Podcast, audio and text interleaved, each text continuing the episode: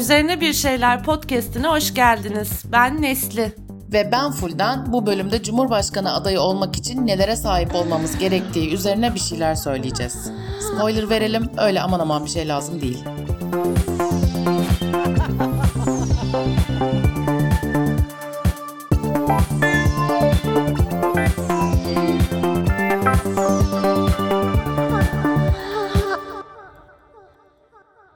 Ülkemizde güzel şeyler de oluyor, olmuyor değil. Ne gibi güzel şeyler oluyor Nesli'cim? Ben yani bir gram bile iyi bir şey göremiyorum. Hatta bir gram bile e, bayağı fazla geliyor. Sanki iyiliğin gramajını azaltmışlar da aslında bir gram 800 miligrammış gibi diyebilirim. evet iyilikte bile yolsuzluk var. E, senin güzel şeyler dediğin neydi? Güzel şeyler oluyor dediğin? Tabii ki Doğu Perinçek'in adayla yetecek kadar imza toplayamaması tatlım. Ee, sana tüm benliğimle, her, her zerremle, hücremin en, yani mitokondrimle, her şeyimle itiraz ediyorum. Doğu Perinçek'in aday olamaması güzel bir haber değil bence kesinlikle. Tövbe tövbe. Ne, ne diyorsun Furkan'cığım sen hayırdır? Yani Doğu Perinçek'in e, alabildiği oy oranının düşüklüğünün tüm ülke kamuoyu tarafından ayan beyan bilinmesi şöyle gümbür gümbür kaybetmesi varken aday bile olamaması benim açıkçası canımı sıktı. Yani hani imzayı toplayamaması da aslında benzer bir şeye karşılık geliyor. Ama tabii e, hani senin söylediğin de doğru. yani bence Doğu Perinçek gerçekten ama gerçekten bu halkın çok iyi bir temsili. Cumhurbaşkanlığı milletin başıysa bu millette herkes istisnasız Doğu Perinçek profilini çok iyi tanır. Hatta Doğu Perinçek'in nasıl biri olduğunu halkımıza bir şiir gibi anlatmıştır Gani Müjde. Misal, en son babalar duyardan hallederiz Kadir. Ya da e, Janset aşkımızın ilk başladığı ayrılsak da beraberizden yırttık abicim yırttık sözleriyle de tanıdığımız Feridun Bitir. Öyle her fikri çok iyi sanan, sürekli köşeye dönen o üçkağıtçı enişte Doğu Perinçek. Kendisi bu ülkenin bir değeridir e, enişteleri, borsada paraları yiyen, hep borç harç yaşayan, iyi niyetli gibi görünen ama kendi fikrine aşık olan hep o yenilen adamları temsil eder. Ay gerçekten her yerde var o kişilerden. Her zaman enişte olmuyorlar. Bazen dayı kılığında da belirebiliyorlar. Doğru. Bazen en sevdiğimiz kuzenimiz yani o yüzden insan her zaman anlamıyor. Her an sevdiğimiz biri Doğu Perinçek olabilir mi yani? Ben ay şu an bu Hoşuma gitmedi. İddia ediyorum her ailede bir tane Doğu Perinçek vardır. Her ailede vardır ve tıpkı Doğu Perinçek gibi yalnızdır bu insanlar. Koca sülalenin içinde. İnanılmaz az destekçileri vardır. Ee, o da ergenliğe girmemiş yeğenleri diyebilir miyiz hocam? Diyebiliriz ya da e, artık e, zihni, akli melekelerini yitirmiş erişkin yaşlarındaki akrabalar da diyebiliriz belki yani hatta her ailede vardır bir doğu perinçek ve eğer sizin ailenizde yoksa o kişi siz misiniz acaba bir düşünün. Eğer şimdiye kadar teyzenize e, teyzem koyun alacağım ama nakit akışım sıkıntılı ya da işte kesin 5 kere tavan yapacak bak yeşil mumlar kırmızı mumlar analiz falan deyip bir senedir teyzenizden aşırıp aşırıp mal gibi koyunlara gömdüğünüz paralara ağlıyorsanız evet o sizsiniz. Canım e, sana niye bu kadar tanıdık geldi bu profil diye düşündüm şimdi de. Sen de sürekli borsa falan diyorsun. Yok Ereğli temettüt vermedi bu sene. Yok Ford çok iyi hisse. Ee, acaba senin ailenin Doğu Perinçeği sen olabilir misin? ee, kesinlikle ve kesinlikle Doğu Perinçek değilim. Ama profil olarak maalesef başka bir cumhurbaşkanı adayına birebir benziyorum. Sanırım ben bunun cevabını da biliyorum. Biliyor musun acaba? Yani bilmem biliyorsundur herhalde.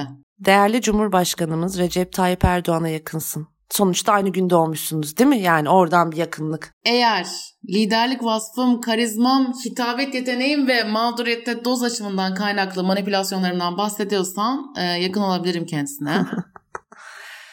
yani tabii ki hayatım çok karizmatiksin, çok lidersin. e, kendinin liderisin. Kendinin ve etrafındaki herkesin patronusun. Her şeyi sen bilirsin ve en doğrusunu bilirsin tabii ki canım. Ee, en doğrusunu ben bilmem ve bunu da en iyi ben bilirim. Yani en doğrusunu bilmediğimi de en iyi ben bilirim dersem Balık burcu gaslighting'inin güzel bir örneğini sergilemiş olur muyum peki? Ben artık gerçekten yorum yapmak istemiyorum. Zaten cevabımız hayırdı. Çünkü gerçek gaslighting asla anında anlaşılmaz. Gerçek manipülatörün manipülatör olduğunu çok geç anlarsınız. Bu anlamda Sayın Erdoğan çok başarılı 20 küsur yıllık iktidarın meşruiyeti e, yani hala çok büyük bir kitlenin gözünde var. Ama doğum günümüzün e, Sayın Erdoğan'la 26 Şubat'ta aynı gün olması ona olan benzerliğimin kanıtı değil. İki sebepten dolayı birincisi 26 Şubat'ta e, çok daha değerli Öykü Serter ve Beren Saat de doğmuş. Onlara daha çok daha fazla benziyorum. İkincisi Tayyip Bey'in miladi takvimi sağladığını düşünmüyorum. e, doğru sallamıyordur ve kesinlikle bence de Beren Saat ve Öykü Serter'in tam bir karışımısın. Bunu görüyorum ve haksızlık ettiğim için senden çok içten bir şekilde özür diliyorum canım. Ee, önemli değil ama e, hiçbir suçun yokken özür diliyorsun ya. İstersen bir daha düşün Erdoğan'a benzeyip benzemediğimi. bak bak bak neler yapmışım. e, benzemiyorum ve faşizm susmak değil bir şey söylemek zorunda kalmaktır sözlerini çok daha iyi anlıyorum. İşte Z kuşağını olacak o kadarla tanıştıran o podcast.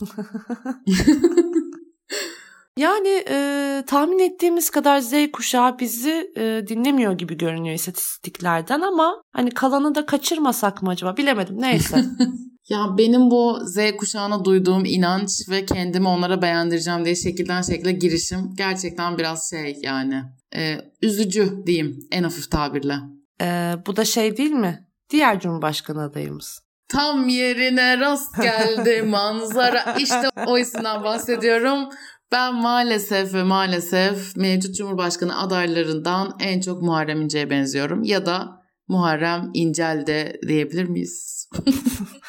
İncel'in adı var kendisinde bu doğru. Ee, söylemekten inanılmaz utanıyorum ama e, Muharrem İnce ve benim epey ortak yanımız var. Birincisi Ramazan'da bira içtiğim çok oldu. Ki ben bira içmeyi bile sevmem. Öyle bir denk geliş gerçekten. Kaderin ağlarını örüşü.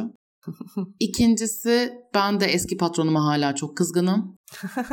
Yani kendisini kızdırmak, onun canını acıtmak için nelerimi vermezdim ve bunları yaparken gerçekten haklı olduğumu düşünürdüm. Zira böyle pis bir inadım olabiliyor bazen. Hiç bu açıdan düşünmemiştim.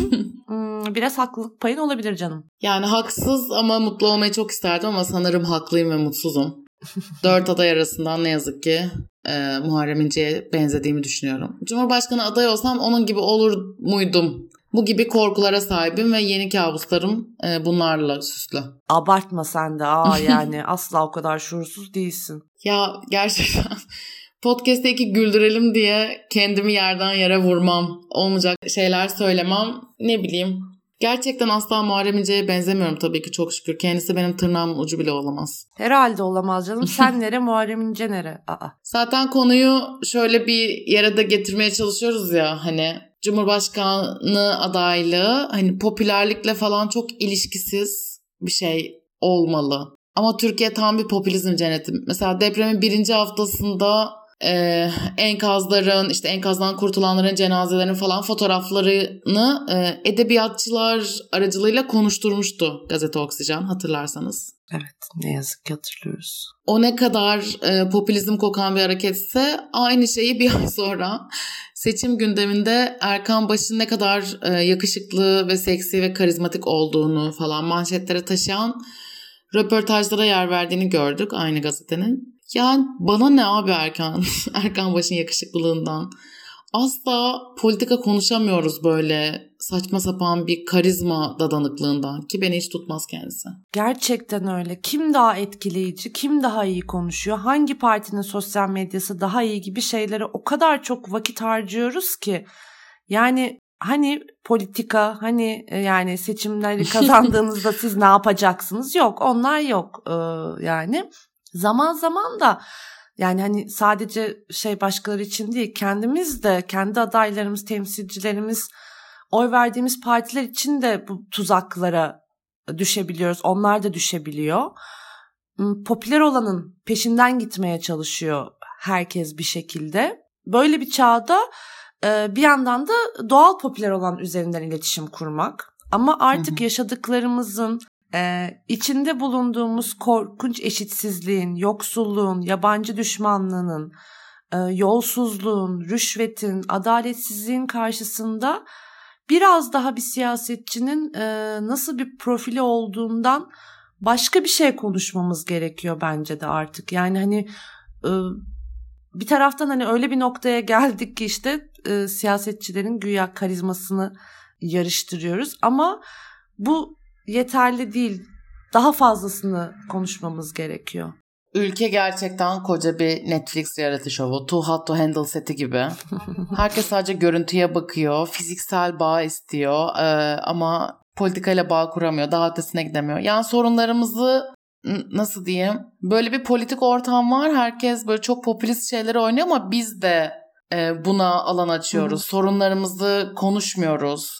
Ya da böyle sokağa işte şöyle şeyler vardı ya e, sokakta eyleme gitmek lazım. Hayır sokakta eyleme çıkmak işte iktidar elini güçlendirir falan.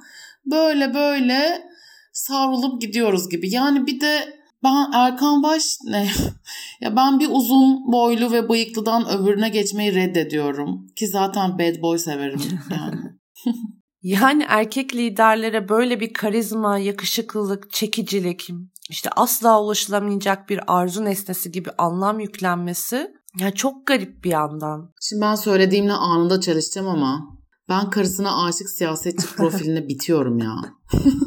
Bu coğrafyada hani karısına aşık olmak, ona alenen sevgi, saygı göstermek büyük bir mesele ya. Öyle bir yerden hoşuma gidiyor. Evet ne yazık ki e, böyle bir mesele de var. Hani bunu gösteren birini gördüğümüzde hoşumuza gidiyor.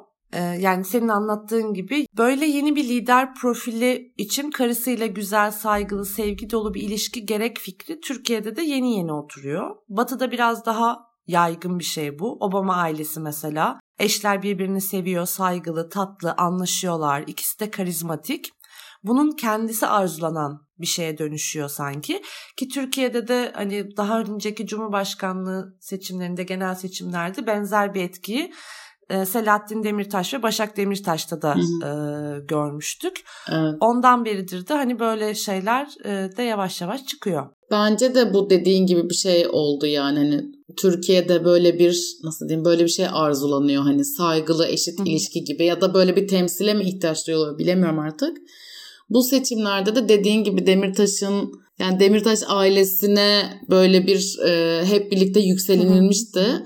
Bu seçimde de benzer bir e, aynı yerden beslenmiyor kesinlikle ama Kılıçdaroğlu ve ailesiyle kurduğu ilişki de çok konuşuluyor bu seçimlerde işte oğluyla ilişkisi, eşiyle ilişkisi falan. Servi Hanım da e, Michelle Hanım gibi böyle karizmatik bir figür gibi geliyor. Ama tabii tüm bu e, sevgi dolu ilişkiye sahip siyasetçileri hep erkekler üzerinden konuşuyoruz. Hı hı hı. Artık ne diyeyim coğrafyada kederdir be biraz. Ee, biz biraz önce karizma konuşmayalım, politikayı konuşalım dememişiz gibi yine tespitlere geçtin ama olsun seni seviyoruz Hülden'ciğim. Evet Evet öyleyim. Biraz tutarsız ve kafasızım. Muharrem İnce'ye benzediğimi söylemiştim. Ee, kafasızlığı kabul etmiyorum. Gerisi doğru olabilir.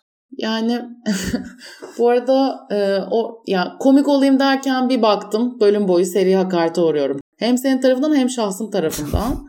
Bunun gerçekten ayarını hiç yapamıyorum. Bu ayarsızlığımdan dolayı yani işte kimse bana gülmesin de e, ben onlar zaten bana gülecek ben onları kendime onlardan daha hızlı güldüreyim diye diye e, şişman şakalarımı da yıllardır her ortamda ben üstlenirim. 7-8 yaşlarından bu yana yaptığım bir spor diyebilirim. Çok antrenmanlı olduğum bir spor ama zayıflatmıyor. E, buradan şişmanlığa dair bilinenleri ve bilinmeyenleri tüm yönleriyle anlattığımız... Sen anlatmadın, ben anlattım. Hı hı. Evet, Fulden'in e, tek başına anlattığı şişmanlık üzerine bölümünde e, hatırlatalım dinlemediyseniz. Ya ben bu adaylık meselesine dair son bir şey söylemek istiyorum bölümü kapatmadan.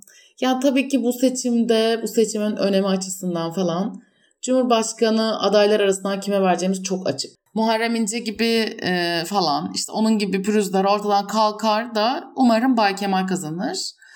Kılıçdaroğlu Bey'le bu düzeni değiştirme yolunda bir adım atılacaktır. Ee, böyle inanmak istiyorum ama şunu da biliyoruz. Düzen dediğimiz bir adamla bir merkez sağ ittifakıyla düzelmez. Ben adaletin varlığına inancımın olduğu bir yerde, bir ülkede gerçekten yaşamak istiyorum artık. O yüzden e, Cumhurbaşkanı adaylığı tartışmasında da sadece sıkışıp kalmamak gerek diye hissediyorum. Kesinlikle e, öyle. Zaten bir taraftan da aslında sadece Cumhurbaşkanlığı değil, hani genel seçimler de aynı anda olacak. Onu mesela e, sadece milletvekili adaylıkları dışında çok fazla konuşmuyoruz. Belki hani e, bunları da takip edip senin de dediğin gibi hani aslında düzeni değiştirmek için daha geniş çaplı bir çalışma gerekiyor ki özellikle hani İstanbul Sözleşmesi'nin geri getirilmesi gibi büyük gündemler var hepimizin beklediği. Seçime giden süreçte e, hep LGBT artılar bir günah keçisine e, dönüştürüldüler. Bu söylemlerle mücadele var.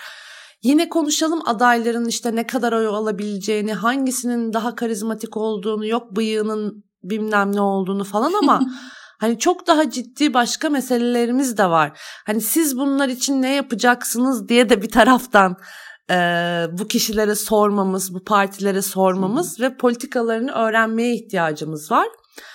E, onlara da inşallah sıra gelir diyelim ne diyelim. İşte herkes kendi partisinin önünü süpürsün, talebini takip etsin diyerekten. Aynen. Sanırım Cumhurbaşkanı olsam ilk icraatım e, siz erkeklerin hepsinin her birinin tek tek evde kaldığı üzerine kilitlendiği böyle kapının ve herkesin e, dışarıda olduğu bir 72 saatlik bir parti düzenlemek olurdu. Ve partinin selametini sağlamak ve siz erkeklerin evde kaldığından emin olmak için iki tane güvenlik çemberi yapardım. İlk grup en dışarıdaki grup feminist sis erkekler. Ee, onlar partiye gelmeye çalışan olursa engelleyecekler. E, hemen feminist erkeklerin arkasında da e, cis gay erkekler olacak. Çünkü biraz feminist erkeklerin tadını kaçırırlar diye düşündüm. Güzel mi icraatım? Ee, benim ilk icraatım da e, muhtemelen çok beklendik bir şey olacak. E, alkolden ÖTV'yi Bira kaldırma. bira mı içeceksin demem yok mu? Herkesin Sanki bira içmesini sağlayacağım. Gibi. Sadece ben değil. Ee, Evet ÖTV, alkolden ÖTV'ler kalksın. Bizim politikaların derinliği. Önemli mesajlarımızı yukarıda söyledik. O zaman 23 Nisan Cumhurbaşkanı adayı olsam ne yapardınız? Bayramınız kutlu olsun diyelim ve bu bölümü kapatalım. bölümü kapatmadan önce şunu da hatırlatmak isterim. Biliyorsunuz depremden etkilenen LGBT artıların hikayelerini e, toplamak istediğimizi bir önceki bölümde söylemiştik. Formumuz hala açık. E, isteyen istediği şekilde e, formu da doldurabilir ya da bize Instagram üzerinden DM'den de ulaşıp e, yazabilir. Bunu da hatırlatıp bölümü öyle kapatalım istedik. Formda Instagram biyografide yer alıyor ve e, bir önceki bölümün yani depremden etkilenen LGBT artılar bölümünün açıklamalarında da ulaşabilirsiniz. Bir sonraki bölüm iki hafta sonra yayında ama siz tabii ki bizi istediğinizde dinleyebilirsiniz. Yeni bölümde de LGBT artı ve kadın bakışıyla hayatın her alanı üzerine bir şeyler söylemeye devam edeceğiz. Görüşürüz.